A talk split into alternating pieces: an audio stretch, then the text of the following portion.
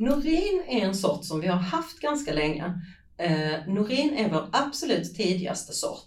Den kan vi använda i hela odlingsområdet och den är väldigt bra att ha före eh, om man ska ha höstraps.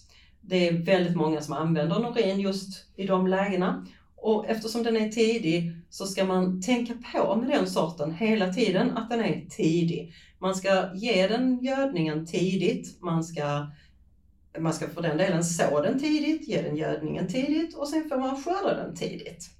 Eh, sorten är lite känslig för gulrost så man ska också vara väldigt tidigt ute och kontrollera om man har gulrost och då bekämpa det.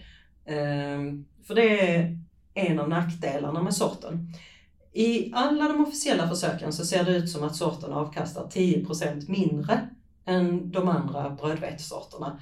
Det är inte riktigt sanningen, utan det är liksom ganska mycket en funktion av att man då odlar de officiella försöken så att de i snitt ska bli bra. Att de sorterna som är mogna i normal tid ska bli behandlade rätt.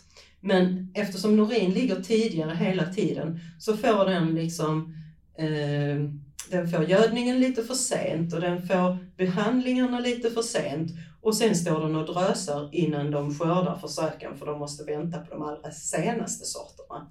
Så att eh, Norin misshandlas i de officiella försöken och kan egentligen avkasta betydligt bättre än vad den, den eh, relativa siffran i avkastningsförsöken ser ut som.